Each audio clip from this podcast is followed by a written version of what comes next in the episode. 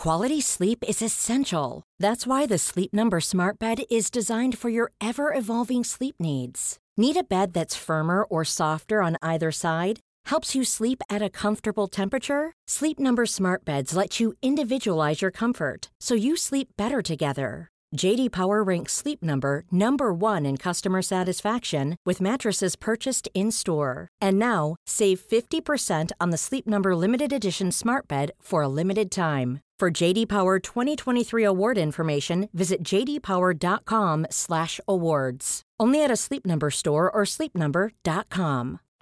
Life is full of what ifs. Some awesome, like what if AI could fold your laundry? And some, well, less awesome, like what if you have unexpected medical costs? United Healthcare can help get you covered with Health Protector Guard fixed indemnity insurance plans. They supplement your primary plan to help you manage out of pocket costs. No deductibles, no enrollment periods, and especially no more what ifs. Visit uh1.com to find the Health Protector Guard plan for you. Hey, it's Ryan Reynolds, and I'm here with Keith, co star of my upcoming film, If, only in theaters, May 17th. Do you want to tell people the big news? All right, I'll do it. Sign up now and you'll get unlimited for $15 a month in six months of Paramount Plus Essential Plan on us. Mintmobile.com slash switch. Upfront payment of $45 equivalent to $15 per month. Unlimited over 40 gigabytes per month. Face lower speeds. Videos at 480p. Active Mint customers by 531.24 get six months of Paramount Plus Essential Plan. Auto renews after six months. Offer ends May 31st, 2024. Separate Paramount Plus registration required. Terms and conditions apply if rated PG. På vegne av min sønn og meg så vil jeg bare si thank you so much, my love, for the great gift you brought us from London. Yes. Yes! Hva var det du hadde med hjem? British sausage. Nei, det hadde du ikke. Jeg er jo veldig vant, jeg er oppvokst med at både mamma og pappa, når de var ute og reiste, så kom de alltid hjem med en liten ting, enten det var en sjokolade eller en leke. Og du kom hjem tomhendt. Eh, ja, det Ja. gjorde jeg. Og hva var det jeg gjorde for å løse det? Ja, Det hadde du vært veldig snill. Mhm. Du hadde kjøpt inn litt eh, mat på Oda. Eller en, en liten traktor, mener jeg. Herregud, litt mat. Den henger litt igjen, den gutteturen. Ja, det stemmer. Jeg hadde kjøpt mat, men jeg hadde også bestilt en lek til Bernhard, og den fikk du lov til å gi, og late som at du hadde kjøpt i London. Ja, Det var veldig løst. Vær Som vi så sier- god. Som vi sier i London. Thank you, my love. Ja, og som vi sier her i Norge Not thank you. Jeg er jo dritforbanna fordi jeg ikke fikk en gave. Ja, Ja. det skjønner jeg. Da vet du det. Men jeg hadde jo med en liten eh, British sausage. Den er ikke britisk, og det er eh, Men den er liten. det stemmer.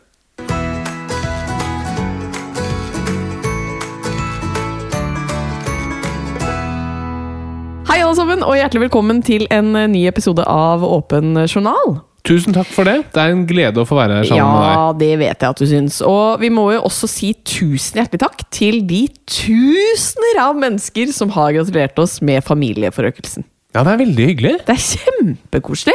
Og det gjør at jeg alltid blir minnet på at hvis andre rundt oss blir gravide, eller noe annet, så må vi huske å si gratulerer. Jeg må det. det betyr veldig mye Det for folk. veldig mye. Det er veldig, veldig, veldig veldig koselig. Så Fikk du like-rekord? øh, det Jeg vet Nei, jeg tror ikke det var rekord. Motiverer det deg til å få flere barn? Eh, Nå får jo ikke jeg barn fordi jeg vil ha likes på Instagram. Ja, det er det jeg spør deg om. Ja, nei, nei, det gjør jeg ikke. Det, det fins andre grunner. Ok, Det er bra. ja, det er veldig bra. Eh, men det skal ikke bare handle om babyer i dag. Det skal handle om blodforgiftning, eller sepsis, som det heter på litt sånn eh, medisinsk terminologi. Litt sånn. Føler du at du kommer til å bruke mer fagmedisinsk terminologi fremover? Nå som du begynner å nærme deg dette, Ja. denne medisinske embetseksamen? Ja, altså det du sier der er litt interessant, fordi eh, rundt mine venner så kommer jeg jo kun til å snakke om sepsis og eh, claudica- claudicatio intermittens og bruke liksom For det ruller av tunga di, hører jeg. I dag har jeg, jeg har fått eh, et lite tia, som jeg ville kalt det. Mm, og som vi Eh, andre ville kalt Drypp. drypp. Ja. Men ikke sant? Ja, rundt mine venner kommer jeg bare til å bruke de medisinske, festlige navnene. Eh, jeg hadde tenkt å prøve å si terminologi igjen, men jeg klarte det. Nå klarte det. Ja. Men på eksamen så kommer jeg ikke til å gjøre det, for der er de ganske obs på at vi som eh, forhåpentligvis nyutdannede leger ikke skal snakke til pasienten eh, med ord de ikke skjønner. Ja, men Ja, de ikke skjønner. Nei, vi skal snakke med dem. Så hvis du skal si sånn 'Jeg mistenker at du har fått sepsis', ikke sant? Hva er det for noe? Er det eh, et ny, nytt bildekk, sier du da? det er Ja, morsomt. hvor, har du fått det på bilen, eller? Men da må jeg si at eh, jeg mistenker at du har fått blodforgiftning. Altså bakterier i blodet ditt som Ja. har gjort at du har fått en eh, respons. Da, ikke sant? Altså Det er der jeg skal ligge. Så det var et langt svar på et godt spørsmål. Takk for det. Mm.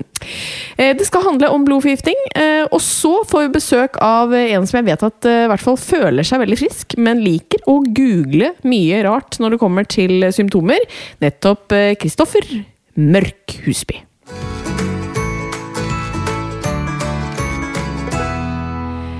We started this episode uh, talking English, and why is that, my love? Jeg har vært på, på konferanse i helgen. Har du vært på konferanse? Hva slags Mhm. konferanse da? Eh, anatomikonferanse. Wow! Eh, Det er jo fantastisk. Ja. Eh, så vidt jeg vet, så var du ikke på noen konferanse, men på guttetur.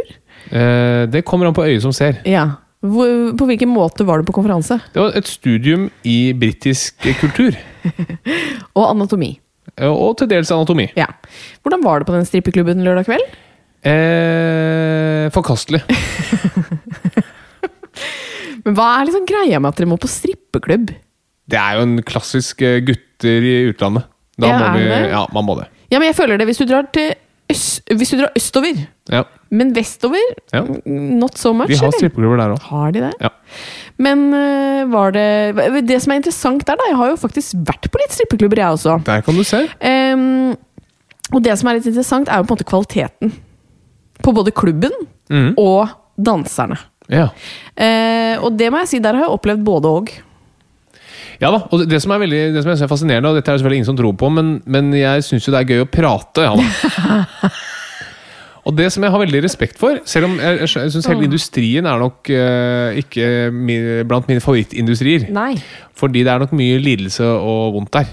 Men det er, eh, det er jo en, en jobb på linje med alt mulig annet, og det er nok en ganske godt betalt jobb. Mm, ja, det er det helt sikkert. Og det har jeg veldig respekt for. At de Ja. sier sånn Ja, men vet du hva, jeg sparer til sånn og sånn. Jeg kunne jobbet der, men eh, nå tjener jeg fire ganger så mye på å danse her. Ja, ikke sant.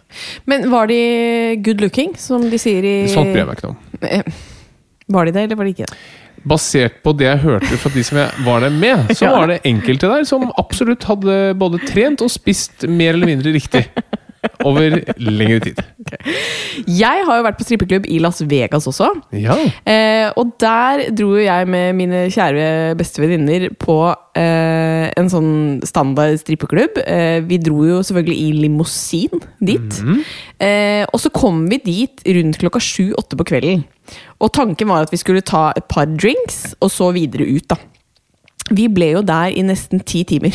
Er det sant? ja, det er faktisk sant. Men var, var, hvem var det som danset? Var det mannlige eller Det var kvinnelige mannlige! dansere? Man, ja, det var Ja, ja, og og det var jo brannmann, ikke sant, og politi. Ja, var det, var det skjedd noe gærent, eller?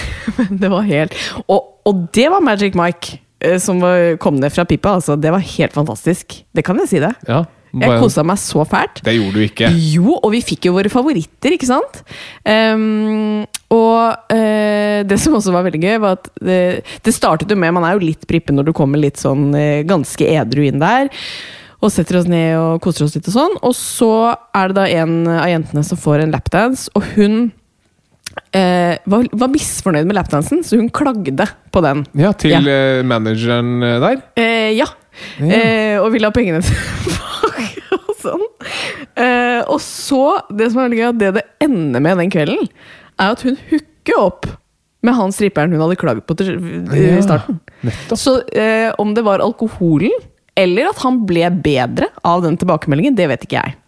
Men det ble en lang kveld. Veldig, veldig veldig gøy. Det var min strippehistorie. strippe... Ble det noe annet som var langt der? Ja, det var, jo, det var jo også imponerende langt. Det brannslukningsapparatet noen av de br brannmennene hadde. Var det det? Ja. Nei da, men det, det var det. Men eh, nå peila du Eller var det jeg som peila strippehistorien eh, over på meg? Det var deg. Det var meg. Eh, men eh, vi skal ikke bare snakke om stripping. Vi skal snakke litt om at jeg er gravid også, for det tenker jeg at eh, det er litt hyggelig å si at jeg er i bedre form. Ja, det er du i mye bedre form. Ah, fy fader, altså. Møtte Kom ut av tunnelen på den andre sida. Eh, for det har vært eh, noen helt utrolig grusomme måneder. Hvor bare sånn det eneste jeg hadde lyst til når jeg våknet om morgenen, det var å gå og legge meg igjen. Fordi søvn var på en måte det eneste som hjalp mot eh, kvalme. Ja. Og oppkast. Så det må jeg bare si at uh, man tror aldri man uh, ikke skal være kvalm igjen, men det er jeg nå. Bortsett fra når det skal tas oppvask. Ja, Ja. for det kicker inn, innimellom. ja, men på kvelden blir jeg det, for da er jeg sliten. Så Ja, når når- middag skal lages, det skal Mm. ryddes og sånne ting, Ja. da blir jeg kvalm. Da blir du kvalm. Men det var the good news. Så hvis du er gravid og hører på og tenker at uh, du aldri kommer til å ikke være kvalm igjen, du skjønner den? Mhm. Ja. Da kan jeg glede deg med at det går jo over, enten det er som meg etter en del måneder, eller etter ni, da. Men det, jeg syns jo det var fryktelig irriterende når folk sier sånn Det pleier jo å gå over rundt sånn uke 14. Ja. Det orket Det hjalp ikke for meg å høre. Ja, men for de fleste så gjør det jo det. Ja. Ja da. Det stemmer, det. Eh, og så tenkte jeg sånn nytt fra studiebenken. Eh, I og med at du har putta på ei krone her i dag, Ja, jeg har det. så gi deg valuta for pengene. Så eh, tenkte jeg å bare oppdatere litt hva som eh, står på mm, plakaten når det kommer til eksamen. Fordi vi, jeg får faktisk en del spørsmål om jeg kan si litt om hvordan medisinstudiet i Oslo er. Og det er jo eh, spennende og krevende. Eh, og tillater ikke at du har så veldig mye annet ved siden av, noe som er dårlig nytt for meg. Men nå nærmer jeg meg slutten, og eh, ved siste liksom, termin så har man tre eksamener da, når du skal bli ferdig lege. Den første er en skriftlig en, som er sånn grei eh, Ja, vanlige spørsmål, svare på de. Den andre eksamen det er en veldig sånn morsom eksamen uh, etterpå, men veldig grusom i forkant. Det er vel ti eller tolv stasjoner, er det det? Ja, det husker jeg ikke. Nei, si det er ti stasjoner uh, i ti forskjellige rom. Så du begynner utenfor én dør, og så piper det.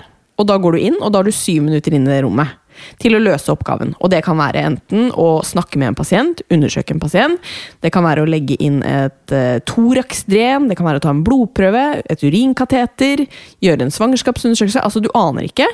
Eller hjerte-lungeredning. Det, er- det er virkelig et vidt spekter av liksom, praktiske ferdigheter. da. Som jeg skjønner at vi leger skal kunne. Og når det har gått syv minutter, så piper det igjen. Da må du gå ut av rommet, og så går du til neste. Så piper det, så går du inn. Syv minutter ut. Altså det er en sånn ekstremt stresstest. Og det du ikke rekker på syv minutter, det rekker du ikke. Ikke Da sant? dør pasienten. ja, det er jo nesten sånn, da. Ja. Eh, så eh, den gruer jeg meg skikkelig til. Det må jeg bare si. Ja. Og så den siste eksamen, det er en eksamen hvor du har eh, Du har vel fire forskjellige pasienter som du skal møte. Eh, og du går inn til da en pasient, snakker med den, undersøker, forteller litt hva du tror er diagnosen, hva du ville gjort, og så får du et par spørsmål fra sensor, og så går du videre til neste pasient. Ja. Så har du fire av de, da. Mm. Så det høres på en måte sånn Når jeg forteller noe, tenker jeg sånn åh, Det er jo selvfølgelig en morsom greie hvis ikke det er veldig mye som står på spill. Ja da, og det er jo dessverre ganske mye som står på spill. Ja, og i hvert fall for deg så er det jo tolv år da, med kunnskap som skal uh, ligge klart Ja. til uh, bruk i disse eksamene. Og jeg husker at du sa ganske lenge etter eksamen at du ikke syntes det var verdt det. Å stå i det stresset rundt eksamen. Ja, men Selv det, etter at du hadde stått, da. ja, Sa jeg det? Ja, Det sa du lenge. Og at du hadde mareritt. Ja, det har jeg faktisk fortsatt innimellom. Ja. Det, er, det, er, det er nok en, en Det er ikke null på PTSD-skalaen, Nei. men det er ikke høyt opp heller. Nei. Men det har, det har satt sitt preg. Ja. Har du tenkt på hvordan du vil feire hvis dette går bra? Åh, akkurat der må jeg si at det, det er litt kjedelig å være gravid. For skulle, det, det er en del konsum, alkoholmengde, jeg har lyst til å konsumere. Ja. Eh, men det kan jeg jo ikke. Så eh, det blir jo å feire med dere, da. Familie, Ja, venner. Det hørtes ut som det var rimelig langt ned på den øh, egentlige ønskelisten. Nei, jeg gleder meg veldig til. Men det er sånn, du vet, man tør nesten ikke å planlegge noe. Jeg har tenkt sånn, Skal jeg invitere jentene på et eller annet? Nei, jeg tør, tør ikke det ennå. Nei, for, fordi du er redd for å jinxe det? Ja, du, litt faktisk. Ja, skjønner. Men eh, kanskje jeg da skal invitere uansett, for da har man noen å trøste seg med. Eh, det syns jeg du skal. Ja. Og jeg, blir, jeg ønsker å bli invitert. Du ønsker å bli invitert. Så hyggelig. Det er notert.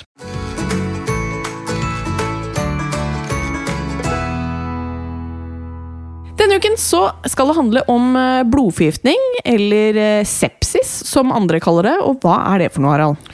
Eh, altså, eh, sepsis det er jo en tilstand hvor en infeksjon sprer seg til blodet fra et eller annet utgangspunkt. da. Altså Utgangspunktet kan være at du har en infeksjon i lungene, også som, som ved en lungebetennelse, eller fra urinveiene hvis du har en urinveisinfeksjon. Og når denne infeksjonen sprer seg til blodet, så starter kroppen en veldig kraftig immunrespons som et svar på at denne infeksjonen nå sprer seg. Og når kroppen setter i gang en sånn kraftig immunrespons, så startes veldig mange prosesser som til syvende og sist er egentlig veldig skadelige for kroppen vår og for organene våre. Eh, Blant annet så kan immunresponsen føre til at det frigjøres stoffer som gjør at blodårene våre blir slappe. Eh, Og når blodårene blir slappe, da synker blodtrykket vårt. Og hvis blodtrykket vårt synker nok, da får ikke organene våre nok blod. Og da dør organene. Så blodforgiftning er altså en infeksjon et eller annet sted som begynner å spre seg så mye at eh, kroppens immunforsvar starter en reaksjon som til slutt gjør at organene våre kan dø. Ja, og det høres jo ikke akkurat eh, bra ut.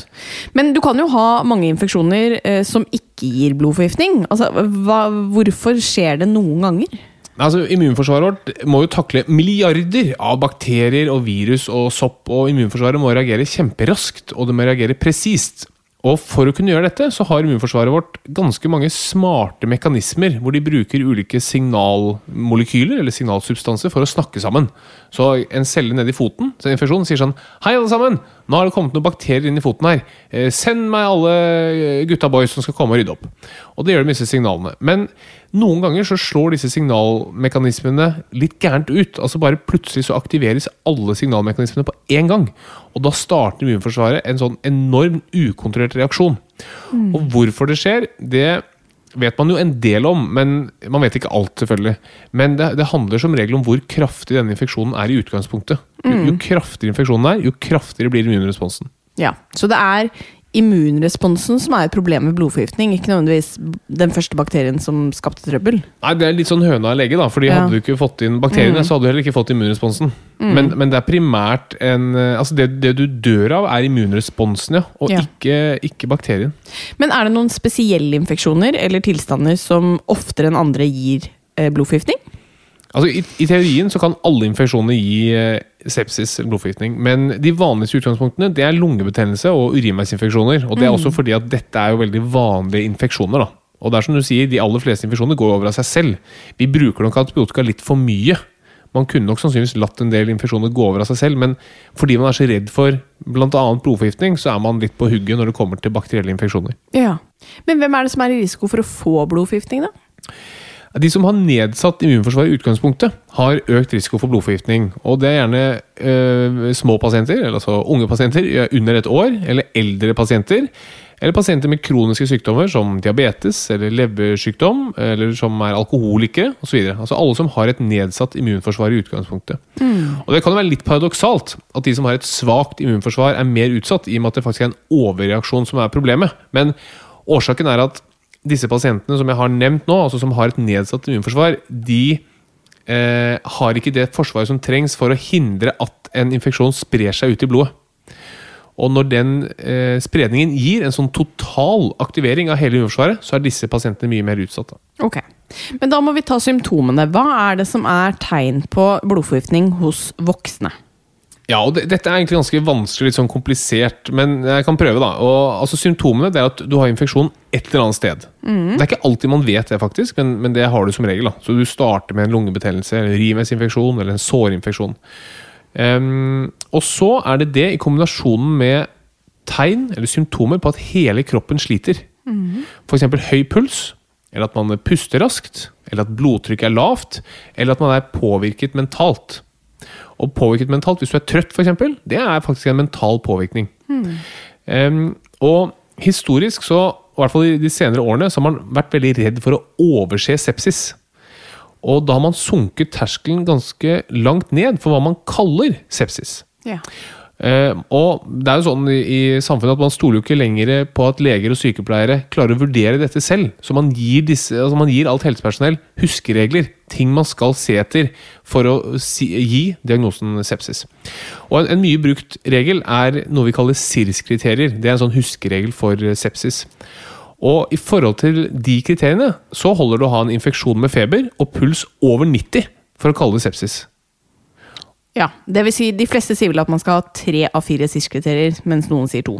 Ja. Ja. Men sånn definisjonsmessig, de to, og husk på at når du har covid, mm. litt alvorlig covid eller influensa, så har du feber, og du har veldig fort puls over 90. Ja. Så det er på en måte ulempen med disse kriteriene, at de, de eh, sannsynligvis gir veldig mange sepsisdiagnosen, selv om det faktisk ikke er sepsis. Ja. Men det du sier med at ehm, det, det er litt sånn vanskelig med symptomer, er jo nettopp fordi at eh, det kan være mye forskjellig. Noen kan jo bare få et utslett. Ikke sant? Uh, nevnte du det utslettet, forresten? Nei. Nei. Det er jo uh, petekker. Kan du kanskje bare forklare kort hva er? Ja, altså et, et ledd i denne blodforgiftningskaskaden, altså hvor immunforsvaret går amok, så en ting som gjerne skjer da, er at man begynner å uh, aktivere leveringen levringen av blodet. Så blod begynner å levre seg rundt omkring. Blir masse små klumper med levret blod. Og da bruker man opp de stoffene i blodet som skal hindre at man blør. Ja, Det der er litt komplisert. Det er litt komplisert. Ja. Men resultatet er at man begynner å blø ut i huden. Ja. Og det er sånn som kanskje mange har hørt, at hvis du har et utslett hos en pasient som er eh, syk, så skal du alltid se om det utslettet lar seg avbleke. Altså, Si at du har en rød prikk i huden. Ta et glass, og så dytter du det på dette, mm, denne røde flekken, og så ser du om da denne flekken blir borte. Altså Når du påfører trykk, blir den borte. Hvis den blir borte, så er det på en måte, da er det greit. Hvis den ikke blir borte, da tyder det på at det er blod utenfor blodåren. Da har det vært en liten blødning. Og mange sånne små blødninger kan være et tegn på blodforgiftning. ja. Og det er jo for eksempel det jeg alltid sjekker når Bernhard har utslett. Kan Ja. dette være petekker? Nettopp. og tar et glass på de. Så det er ikke helt sunt å, å kunne alle de tingene der. Men, men det jeg skulle si om sepsis også, er jo at grunnen til at man kanskje ofte heller vil behandle litt for mange enn for lite, er jo at eh, ok, noen begynner jo med en lungebetennelse, og så blir de dårligere, og så skjønner man at det er blodforgiftning. Mens andre kommer jo bare, f.eks. litt eldre, kan jo bare komme eh, på legevakta litt forvirra, eh, litt feber, og det er det. Altså ikke, ikke vært noe syk i forkant. Og det er jo det som er litt sånn skumle, at det kan jo komme veldig fort. Ja da, det- kan det, og det er derfor eh, man, sånne regler man kan lage, huskeregler, de er aldri perfekte. Så det er jo fint å ha på en stor populasjon. Men akkurat dette med mental påvirkning, det er vi ganske obs på. Ja. Hvis, hvis du har særlig eldre pasienter som eh, akutt har blitt eh, forvirret eller sløve, det er man veldig obs på. Og da er dette med en alvorlig infeksjon eller blodforgiftning veldig høyt opp på lista. Ja.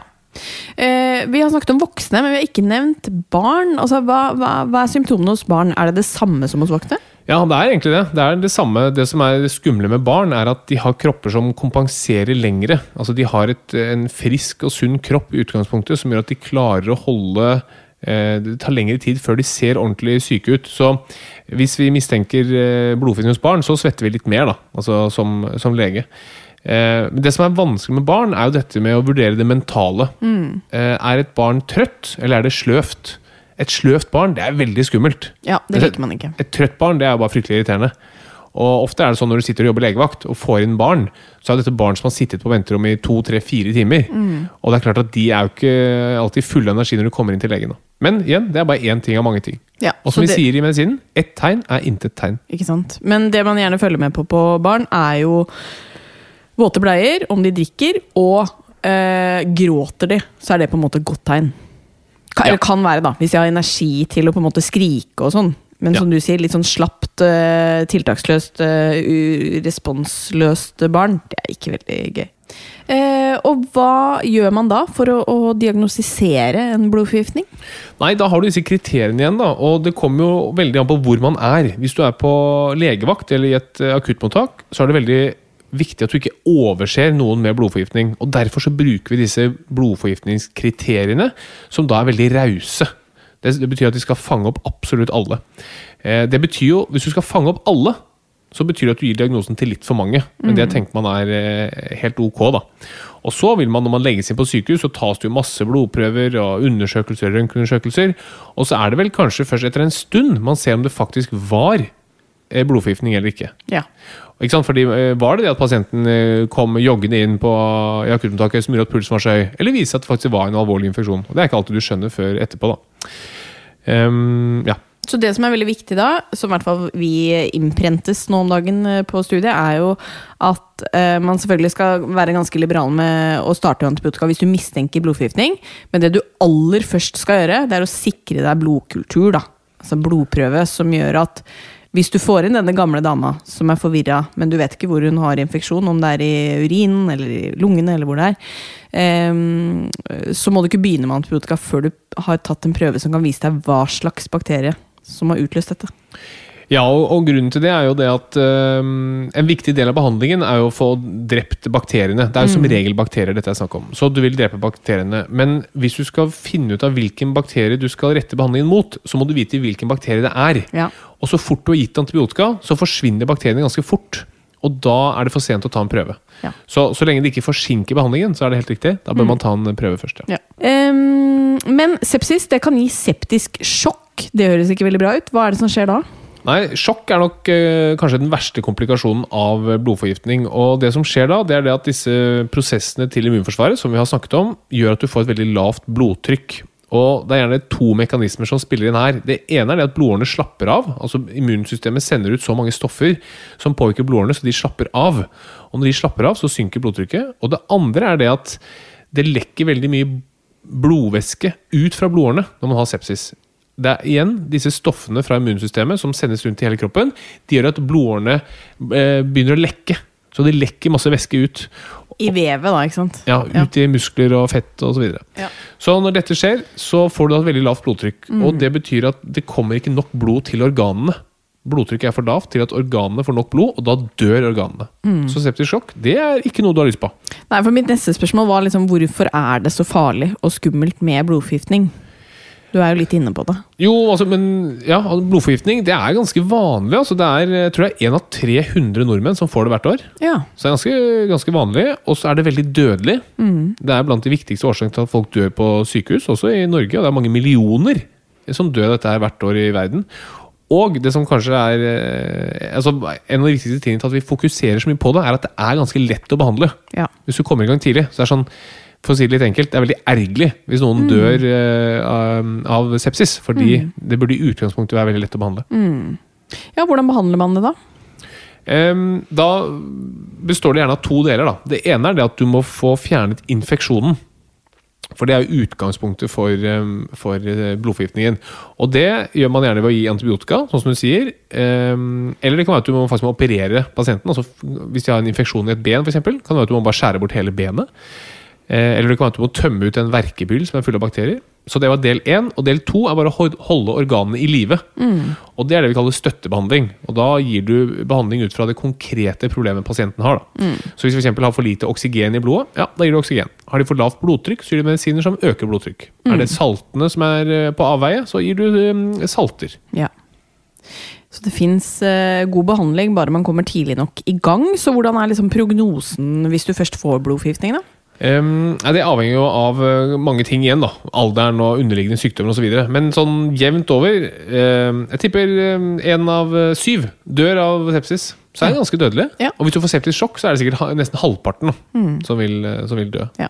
Men igjen, dette handler jo Jeg tror på verdensbasis så er nok eh, diarésykdommer den viktigste årsaken til, til sepsis. Ja. Mens i Norge så er det veldig, veldig sjelden.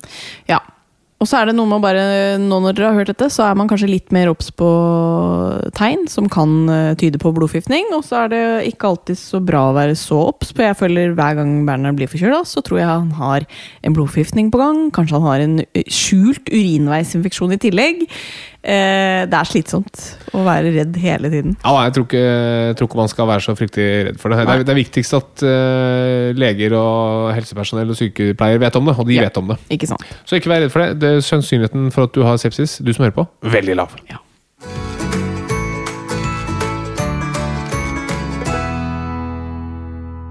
Dette lyttespørsmålet som vi nå skal komme til, det eh, føler jeg vi har snakket litt om før, men det kommer ofte opp igjen som tema. Og jeg tenker nå som det nærmer seg 17. mai, så passer det egentlig å ta dette spørsmålet. For da er det jo kanskje noen som har tenkt til å klinke til og druse på med masse alkohol. Ehm, og da er det en som spør er det best for kroppen å drikke litt alkohol hele tiden, eller veldig mye på en gang, men da litt sjeldnere. F.eks. på 17. mai. Ja, det er et interessant spørsmål. Um, og husk på dette med alkohol. Det vi vet, er jo at et veldig høyt alkoholforbruk over veldig lang tid, det er skadelig og skummelt. Uh, vi vet ikke så mye om hva litt alkohol gjør. Det er kommet en ny studie nå, nå nylig eh, som viste at, at hjernen påvirkes av bare litt alkohol. Men igjen, dette er en sånn studie som baserer seg på hva folk forteller at de gjør. Og de studiene er fryktelig dårlige. Men eh, hvis jeg måtte svare på det, og det må jeg jo, for det er noen som har spurt, så ville jeg nok sagt at det er nok best å drikke mye og sjelden enn litt og ofte. Så, så fremt du klarer å unngå å bli skadet i fylla. For det må du huske på det at En ting er at kroppen ikke er så glad i alkohol, men eh, det farligste er at du, hvis du kjører i fylla, mm. utsettes for noe, utsetter noen andre for noe. Takk for godt svar på det. Og god fest på 17. mai, men vær forsiktig. Ta det lugnt. Eller trenger ikke ta det lugnt. Ha det, ha det gøy er kanskje det viktigste. Men vær forsiktig. Ja, det må alltid være forsiktig.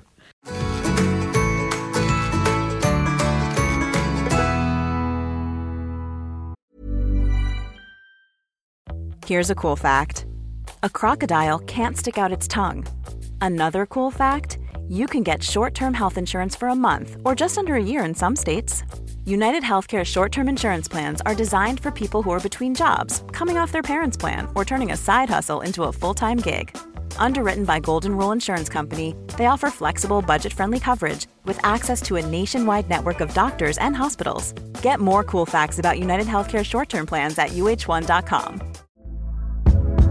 Hey there, it's Michelle Norris. I'm host of a podcast called Your Mama's Kitchen. When I travel, I'm usually looking for a way to find a taste of home when I'm not at home. And one of the things I love to do when I am at home is entertain. And Airbnb allows me to do that. When I was in California recently, I rented a house that had a great kitchen. And when we were sitting around the table, we're all thinking, we're in someone else's house. Someone could be in all of our homes as well.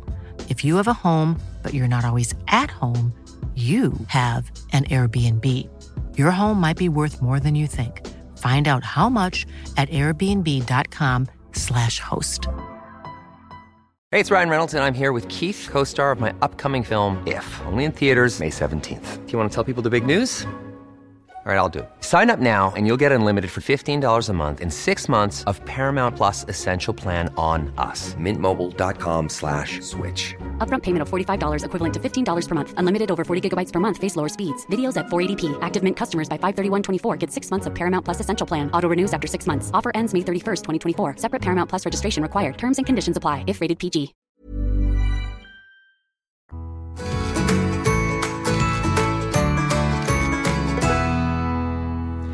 Og da har vi fått det som kanskje er eh, Norges friskeste mann inn i studio. Kristoffer Mørk Husby, hjertelig velkommen.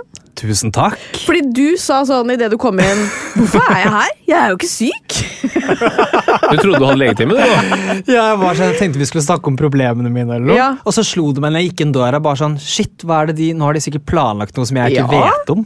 Men eh, du er, er du liksom alltid frisk, eller er du innimellom syk? Eller Jeg, var, jeg hadde halsbetennelse for to uker siden, Og det er vondt. så det er jo noe. Ja, ja. jeg kunne ikke svelge og sånn. Nei. Men utover det så er jeg stort sett eh, frisk og rask. Ja. Ja. Eh, er det fordi du er så veldig sunn, tror du? Eller fordi du er heldig? N- Nei, jeg tror det er fordi jeg er heldig. Jeg blir liksom ikke syk. Nei. Så når jeg ser folk rundt meg som har eh, vondt i fingeren eller vondt i halsen eller vondt i nakken, eller det er mye greier hele tiden, Mhm. så sliter jeg litt med å på en måte forstå det. Ja. Jeg er full av empati. Er du det? ja, jeg er det. på utsiden. Men jeg, men jeg er litt sånn Jeg må bare liksom si det. Jeg er full av liksom ja, Jeg bryr meg veldig. Men jeg bare syns det er rart at folk kan bli så syke Ja. hele tiden. Det er ikke med å le, men du bare slår meg som en Nei. som I og med at du er veldig mye frisk, og da, da blir du litt sånn Er du, er du det sjuk mulig, igjen, liksom? liksom? Ja, ja. Men det er du ikke. Vondt i løst er det også noe som heter. Ikke sant? Ja. Det kan du se. Uh-huh. Eh, men det er jo veldig bra. Har du hatt korona, for eksempel? Ja, Du har hatt det? ja. Ja. Og da ble jeg faktisk litt syk. Men jeg føler at eh, koronasyke Det Ja. er ikke noe jeg liksom har tenkt at jeg skulle være med på disse. Nei, Det er en ekte greie. for det har du hatt. Det har jeg hatt. Er du vaksinert? Ja. Mange runder? eh, min tredje vaksinedose ble jo coviden. Ja, ikke sant? Så jeg hadde to. Ja, nettopp. Ja, Ja, men bra. Har du alltid vært frisk? Ja, alltid. 80. Ja. Jeg hadde faktisk en runde med Jeg hadde kyssesyke. Men det er jo noe dritt, da. Det var slitsomt. Ja. Eh, da, men da skjønte jeg ikke helt hva det var. Mm. Så jeg følte nok bare at jeg hadde jobbet veldig mye, men jeg var utrolig slapp. Mm. Eh, og litt sånn Fader, jeg er utmattet, liksom. Mm. Men jeg prøvde liksom å liksom kjøre på, da. Fordi det var sikkert bare en litt sånn tung periode, hadde jeg tenkt. Men det hadde jeg jo, for det kom frem på noen uh, prøver. Men uh, ja nå går det bra. Er det lenge, er det lenge siden, da? Ja, det er vel kanskje tre-fire år siden. Tror jeg. Men det er veldig typisk for kyssesyken. At man ikke skjønner helt at det er det. For Ja. du, bare, du har det der litt sånn uspesifikke sånn Først kanskje litt forkjøla, og så litt Ja. sliten bare etterpå. Ja, og da gikk jeg til legen og foreslo for han at det var lurt at vi tok noen tester. da. Du foreslo det, Ja, selvfølgelig. Fordi her var det etter alt som var litt merkelig. Jeg ble sykt fort sliten, ja. men trente likevel for det. Og sånn. Eh, og så skjønte jeg ikke at det kanskje var en dårlig idé. da. Nei. Eh, ja, Det har jeg vært igjennom. Ikke Det har jeg også kjemperespekt for. Men det betyr at du kanskje ikke går så veldig mye til legen, da. Eh, nei, ikke mye. Nei. Eh, det er veldig sjeldent noe, men jeg blir jo da sånn hvis det er noen ting, Ja. da må jeg sjekke. Ja, Selvfølgelig. selvfølgelig. Sånn som i dag tidlig, så tygget jeg på noe, så det var noe som løsnet fra tanna mi. Og da var det eh, altså en telefon til tannlegen med en gang. og bare sånn, det her må vi finne ut av. Ja. Så jeg kan ikke gå med problemer. Nei. Men i dag altså, tidlig har du vært hos tannlegen allerede? Nei, jeg skal rett etter det her. Aha. Oh, ja. Ja, Var det derfor du hadde, var derfor du hadde tidspunktet du måtte dra herfra? Jeg måtte dra, for Ja. jeg må fikse den tanna. ja, men det har falt av noe? Vet du det? Det har fall, jeg tittet oppe der. Det som skjedde var at jeg Først så spiste jeg en salat som det sikkert var en stein i. ikke sant? Folk må lære seg å vaske salaten ordentlig. Jeg tror du Eh, virkelig det var en stein Jeg tror det, for jeg kjente noe som var veldig hardt. Det var ikke en avokadostein? Det var ikke så stor? Nei, det var ikke sånn at jeg gagga på den, liksom. Det var bare litt grus i jekselen, eller hva det kalles. Ja. Og da kjente jeg at det var noe rart, og så spiste jeg litt bringebær etterpå som ikke ville ut av tanna igjen. Det la seg masse Ja. bringebærfrø nedi. Så tittet jeg ned i tanna mi i speilet. Da var det et kjempestort hull bak i tanna. Eh, og sånn kan ikke jeg gå rundt. Akkurat det støtter jeg. For da går jeg og tenker på det hele tiden. For så Ja, for lite gærent er det. der hele tiden, ikke sant? Ja, jeg, jeg, er sånn, jeg kjenner at det bare sånn Vil du se? Jeg skal vise deg etterpå. Ja, veldig det er gjerne, kjemperart. Er det fortsatt bringebær der? Nei, for det fikk jeg pirka ut. Men jeg er så redd for at det skal begynne å ise, og jeg Ja. har sånn major tannlegeskrekk. Oh, ja. At jeg blir helt sånn øh, Ligger bare sånn og skaper meg og gjør meg til. For det kan jo hende at det han eller hun skal gjøre etterpå, er vondt. Eh, nei, fordi det var også en ny tannlege. Min faste var ikke der lenger. Oh. Uh, så jeg har gitt beskjed om at de må være veldig forsiktige. Ja.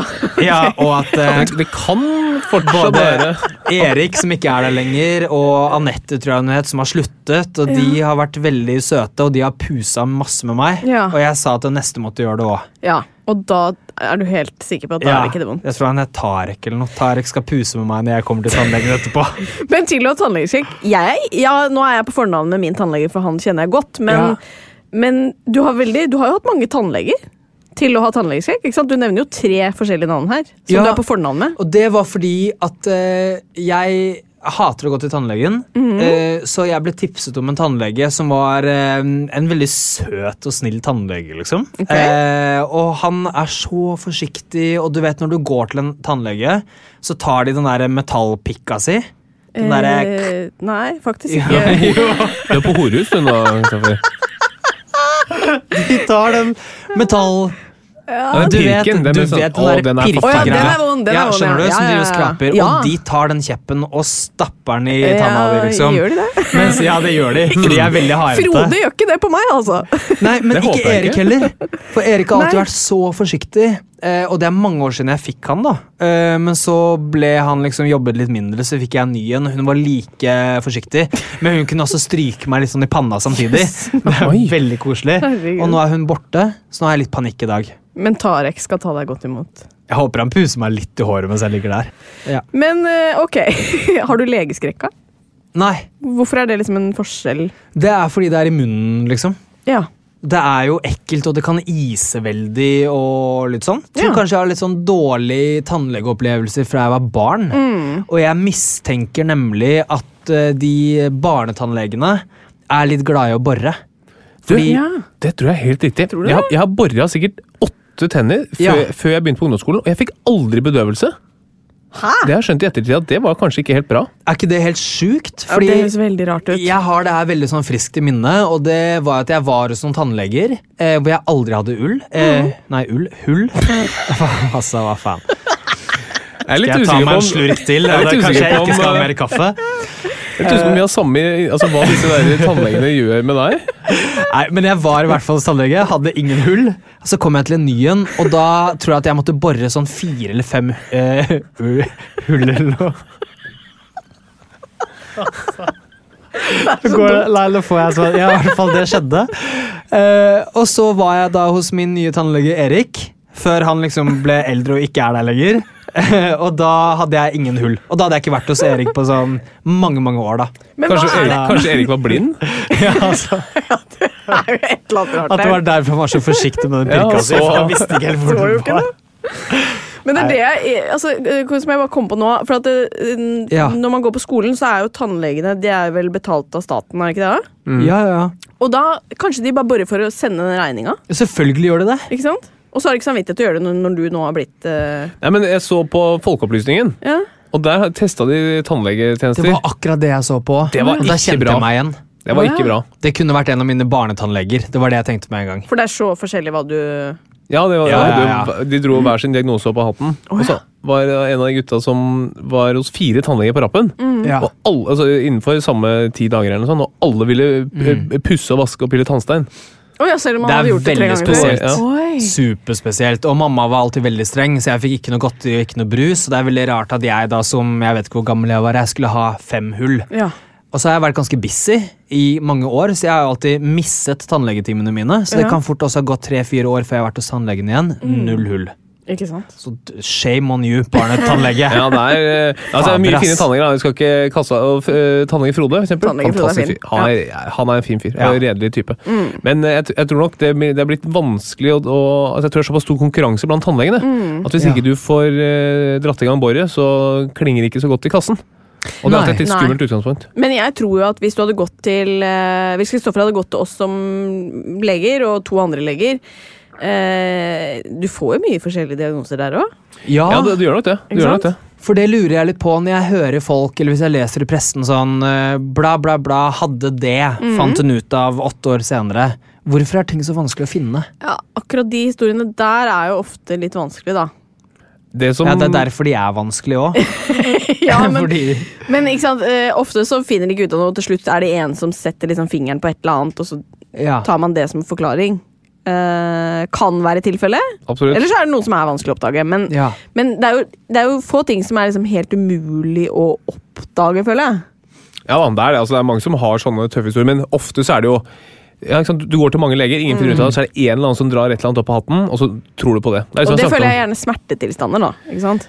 Jo, men Ja. altså, også sånne infek altså, Noen mener liksom alt fra borreliose, for eksempel, da, er Ja. en sånn veldig klassisk uh, ting. For så vidt litt kyssesyke. Er det litt sånn når du blir bitt av en flått? Yes. Ja. Ja, fordi det er en del sånne sykdommer som vi alle har eller har hatt på et eller annet tidspunkt, ja.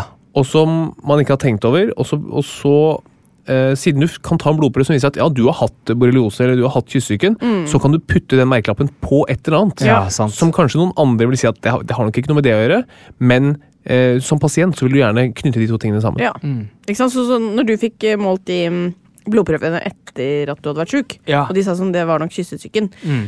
Kunne jo også være at du hadde en jernmangel. Eller, ikke sant? Men man finner et eller annet som man Nei, for det sjekka jeg. Ok, ja. Og det sa jeg at vi måtte ta en test på. Det kan jeg se for meg. Ja da, men du, du skjønner, da, da Ja, satte man jo den, og mest sannsynlig så stemte det at det var kystsyken. Ja. Eh, Men det kan jo også være at du hadde kystsyken for fem år siden. Ja, ikke sant? De bare finner spor av det nå. Ja. Mm. Hmm. Så Medisin er vanskelig. Men hvis du da hadde vært lege selv, da, Kristoffer, hvordan tror du det hadde vært? Jeg tror jeg hadde vært veldig sånn ehm, flink. Og, og beskjeden, eller? Og liksom eh, beskjeden. og blid. Flink og blid, ja. Flink og blid, og litt sånn eh, støttende og sånn. Oh, ja. Det her går bra. ja. Jeg er her for deg. Tror du det? Ja. Og så hadde jeg vært veldig lite diffus. Jeg hadde vært veldig direkte. Det, Ja. det Jeg tror jeg er en god egenskap. Det er liksom det verste. Ja. At du, og jeg tror også mange kommer inn og har gjort seg noen tanker om hva det er selv. Mm. Og det verste en lege kan si da, er sånn Nei. Ja, men ok, ta, liksom ta meg nå, da. Hvis jeg Ja. kommer inn til deg, og så jeg har uhelbredelig eh, kreft i eh, bukspyttkjertelen, og det skal du si nå. Ja, og jeg tror jeg er helt frisk. Hvordan ville du sagt det? Mm. Um, det er ikke lov å tulle med, er det det? Jo, men, jeg tuller jo ikke, men du skal du, Nei, men du, jeg har lett for å begynne å le. Da føler jeg at jeg jo kødder med det, liksom. Nei, det, er kan du ikke sykt drøyt. Men du sier du hadde vært veldig direkte. Ja. Ehm, det, nå er det game over. Men vi gjør det beste ut av det. Den tiden du har igjen. Ja Hæ? Jeg, jeg, jeg, jeg har litt sansen for det. Ja, finito. Hei, det er, det er Kristoffer her. Ferdig. Nå er det game over. Det er helt Hallo. sjukt å melde. Ja, jeg men- tenkte og så- sånn Du, eh, godt å Er se s- deg. Jeg har en litt vanskelig beskjed å komme med. Litt vanskelig beskjed. Det sa bare hei, nå er det game over. Ja, direkte. Det, ja, jeg tror du har helt rett i at Ja. du hadde vært veldig direkte. Hei, jeg har en litt vanskelig beskjed. Ok, Det er sånn Kan kanskje det er uhelbredelig. Ja. Kanskje det- ikke. ikke sant? Nei. Skal jeg gå og tenke på det, da? Det er en helt jævlig beskjed jeg Ja. har. Det er ferdig. Nå. Jeg syns det var, jeg synes det var Ja. on point. Jeg synes det var on point. På en skala fra én til ti? Eh, ja, altså i, i, i direktehet ti. Nice. I medlidenhet én. Nei. Jo, det syns jeg. Hva Ok, syns du? Jeg tror nok kanskje pasienten ville satt pris på ørlite grann eh, tykkere innpakning. Jo, jo. Hvordan ville du gjort det? Ja, dette skal jeg testes i om et par uker, så jeg ville da sagt For da skal du Du får gjerne i oppgave på eksamen å fortelle en dårlig beskjed, da. Ja, ok.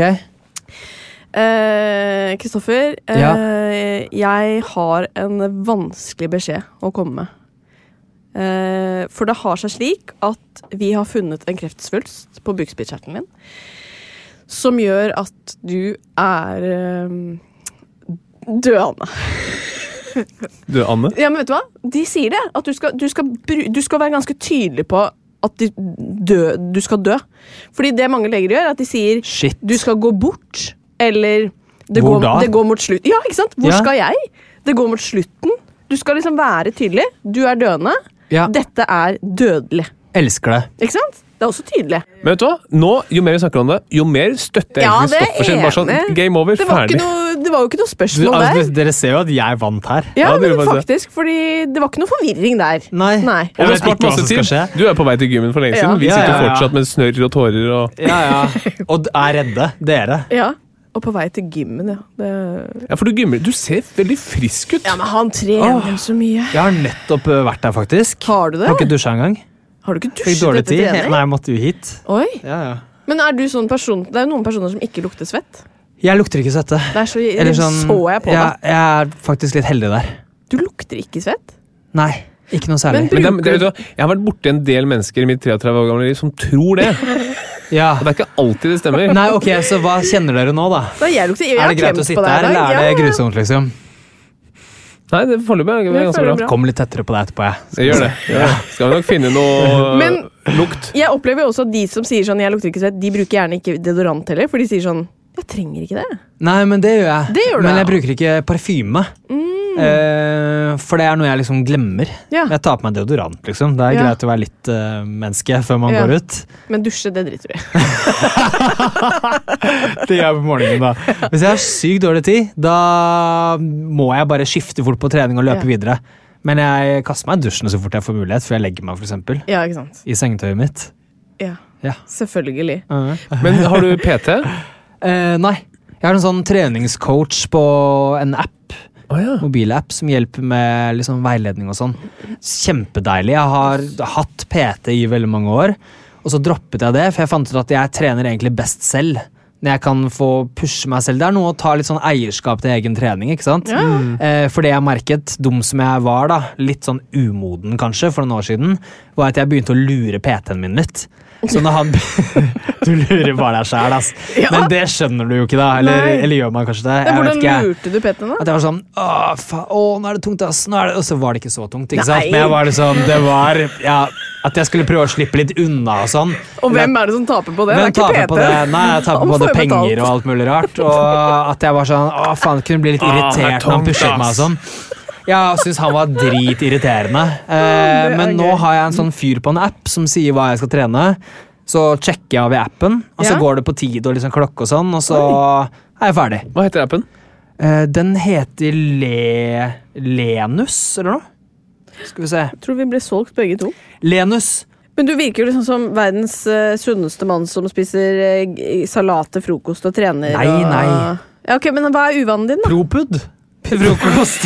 Det er propud, vet du. Nå høres det ut som propud var uvanen din. Jeg spiser propud. Ok, propud i sekken. Men hva er, uh, hva er uvanen din? Eh, uvanen min uh, er nok uh, um, At jeg kan kjøpe smågodt noen ganger. Wow. Huff a meg. Shit, That's, that's deep, man. Fy faen. Cool storyteller again. Jo, Nei, men altså, det er bare det er jo ikke, det er ikke den verste uvanen, føler jeg. men faen, hva er uvanen din, da? Nei, jeg Ja, der, ja. Kommer fra legen sjæl. Få høre. Jeg har ikke så mange uvaner. Nei, nå er jeg jo, nå er jeg jo ikke aktivitet, da. I Nei, det det, er ikke. hele tatt. Nei, men eh, du har jo en god unnskyldning, har du ikke det? Jo da, men lell. Jo, jo. Eh, men eh, hvor god tror vi Kristoffer er i quiz? Jeg, jeg går hardt ut og tror at han er ganske dårlig. Tror du det? Ja. Du, altså, Er det noe jeg kan, så er det quiz. Om medisinske tilstander. Ja, kødder du, eller? Altså, jeg har vært så mye på Google at det er ikke en ting jeg ikke kan. Ok, da er jeg veldig spent. Da kjører vi quiz.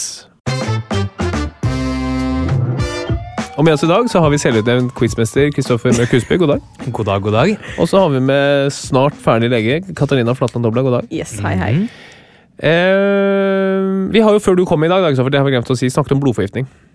Oi. Det har du hatt det noen gang? Eh, Basert på Google-søkene dine? Um, det er jeg ikke sikker på, men jeg har tråkket på en spiker.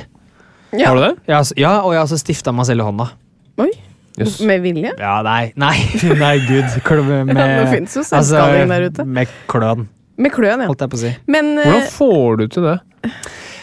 Akkurat nå er jeg usikker på hvordan jeg gjorde det, men jeg fikk det til på en eller annen Jeg husker ikke helt. Nei. Nei. Drikker du alkohol? Ja, i ny og ne. Men ikke sånn uh, hver helg, eller? Nei, det var ikke Det var på jobb.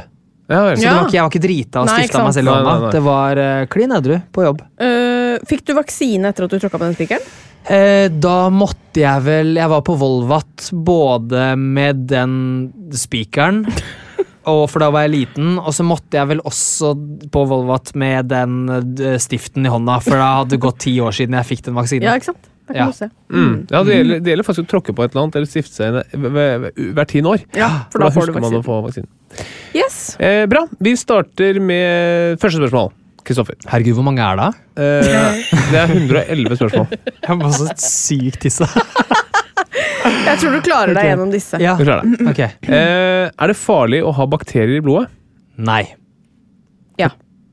Ja, det, ja, ja. Det er, Nei, ikke, det er farlig. ikke farlig. Det er helt riktig, Kristoffer. Det, er jo fa Eh, det kan jo bli farlig. Det er ikke farlig å ha bakterier i blodet. Skal ikke du gå opp til lege Ja, vet du? Skal ikke du ta tisse? eksamen? Jo, Nå? jeg, jeg må Er det lov å løpe og tisse? Ikke her inne, nei, men, nei, men hvis jeg, jeg Er det, bruker sikkert har du så Det er akutt prekært. Ja, Det er prekært. Jeg har drukket så mye kaffe. Vær så god. Ok, takk. Sørland kommer jo Vi har fortsatt litt Ja, ja, vær så god. Jeg pleier ikke å løpe ut av sånne ting her, for jeg må tisse.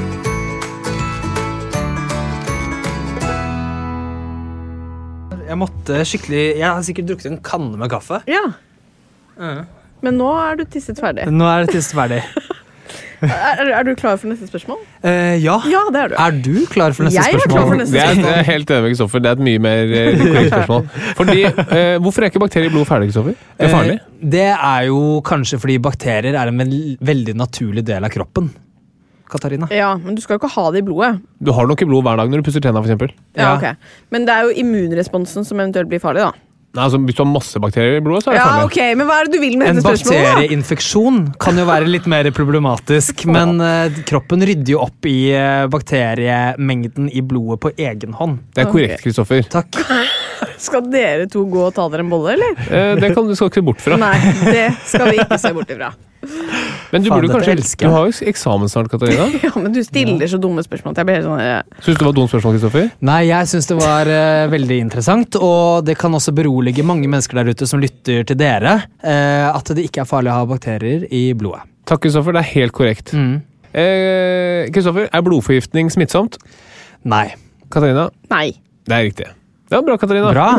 Der var du med. Slutt opp av dere! Å, herregud. Eh, Katarina, hva betyr antibiotika? Eh, det betyr eh, anti, altså motsatt, av biotika. Wow. Ja, ikke sant? Det, og vet du hva? That's deep, man. Det har bare tatt tolv år for henne å komme dit. Hva betyr det, Kristoffer? Antibiotika. Ja, hvem ler sist nå? Ok. Jeg tror at det er eh, har du, Er det noe sånn biogift? Eller k gift i kroppen? Litt sånn eh, Nesten. Biotox...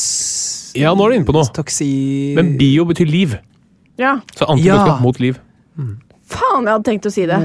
Uten å tulle. Ja. Det kom til meg, og så tenkte jeg nei, det Vi ser at du lyver. Jeg ser også Jeg ser det. Vi ser det begge to, Katarina.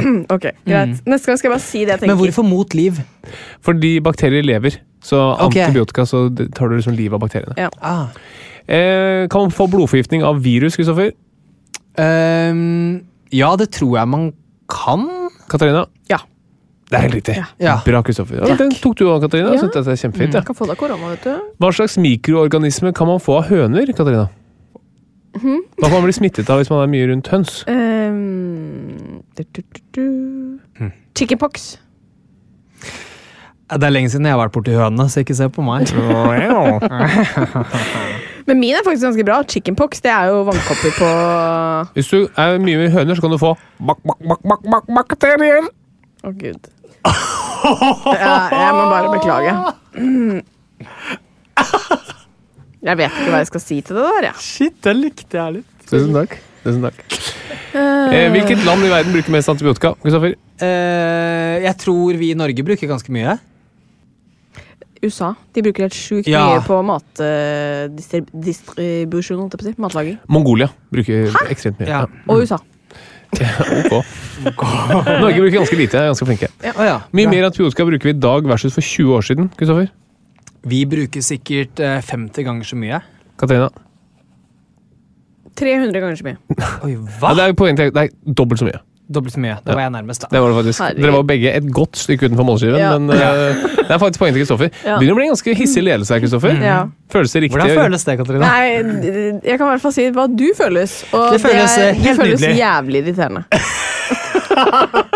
Merker du at jeg er en dårlig vinner? Og utrolig, for Ja. du blir sånn mm, Enig, Harald. Det syns jeg var riktig beskrevet. Du er litt sånn bitter du nå. Prøv å roe ned litt. Grann. Hvis du hadde brukt ikke så mye tid på å være frustrert, og litt mer tid på å lese Kristoffer, um, eh, hva hva Ja. slags medisin bruker man mot bakterieinfeksjoner hos kråker? Oi, hos kråker? Ja. Hvorfor, eh, hvorfor gir man det til kråker? Nei, de, jeg har at de også får bakterieinfeksjoner. Og hvordan finner vi ut av det? Eh, da gjør vi undersøkelser av kråkene. Jeg har det. Ja. Nei, du må svare, da. Ehm, jeg er usikker. Beklager. Kra, krantibiotika.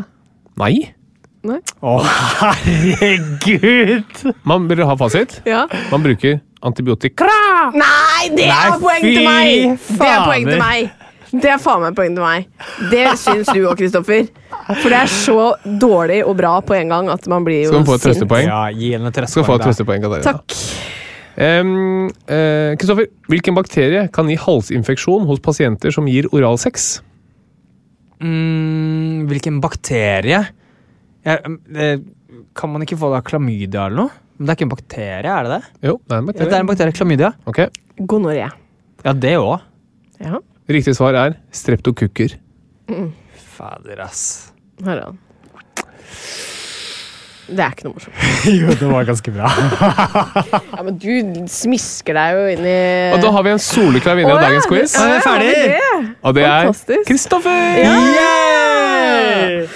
Det er jo bare å gratulere. Du mm. Og du ringer meg bare hvis du lurer på noe, ikke sant? Det skal jeg gjøre, Kristoffer. Eh, tusen takk for det, din hjelp. Jeg er bare glad for å hjelpe, jeg. Men før du går til tannlegen, så pleier vi alltid å få tips til vår sønn Bernhard hvordan han kan bli en fin fyr. Har du et tips? Eh, fin fyr, det vet jeg ikke. Det jeg har lyst til å si til lille Bernhard, det er faktisk at eh, man må huske å ha det gøy. Ja. Og ikke glemme å leve. Fordi livet blir alt Ja, noter, Harald. Ja, gjør det. Livet blir altfor fort seriøst, Ja. Eh, og det kan være overveldende. Ja. Eh, så ikke glem å leke, uansett hvor gammel man blir. Fine Det er bra. tips. Veldig bra. Dette er notert. Thank you. Da sier vi tusen hjertelig takk for at du kom, og øh, jeg kommer sterkere tilbake quizmessig. Quizmessig! Og tallemessig Wow. neste gang. Ha det! Ha det. Plan B. Even when we're on a budget, we still deserve nice things. Quince is a place to scoop up stunning high-end goods for 50 to 80% less than similar brands. They have buttery soft cashmere sweaters starting at $50, luxurious Italian leather bags, and so much more. Plus, Quince only works with factories that use safe, ethical, and responsible manufacturing. Get the high-end goods you'll love without the high price tag with Quince. Go to quince.com slash style for free shipping and 365-day returns. Even when we're on a budget, we still deserve nice things. Quince is a place to scoop up stunning high-end goods for 50 to 80% less than similar brands. They have buttery soft cashmere sweaters starting at $50, luxurious Italian leather bags, and so much more. Plus, Quince only works with factories that use safe, ethical, and responsible manufacturing. Get the high-end goods you'll love without the high price tag with Quince. Go to quince.com slash style for free shipping and 365-day returns. This message comes from BOF sponsor eBay. You'll know real when you get it. It'll say eBay Authenticity Guarantee. And you'll feel it. Maybe it's a head turning handbag, a watch that says it all, jewelry that makes you look like the gem, or sneakers and streetwear so fresh every step feels fly. eBay gets it. So look for the blue check mark next to that thing you love and be confident that every inch, stitch, sole, and logo is checked by experts. With eBay Authenticity Guarantee, you can trust that feeling of real is always in reach. Ensure your next purchase is the real deal. Visit eBay.com for terms.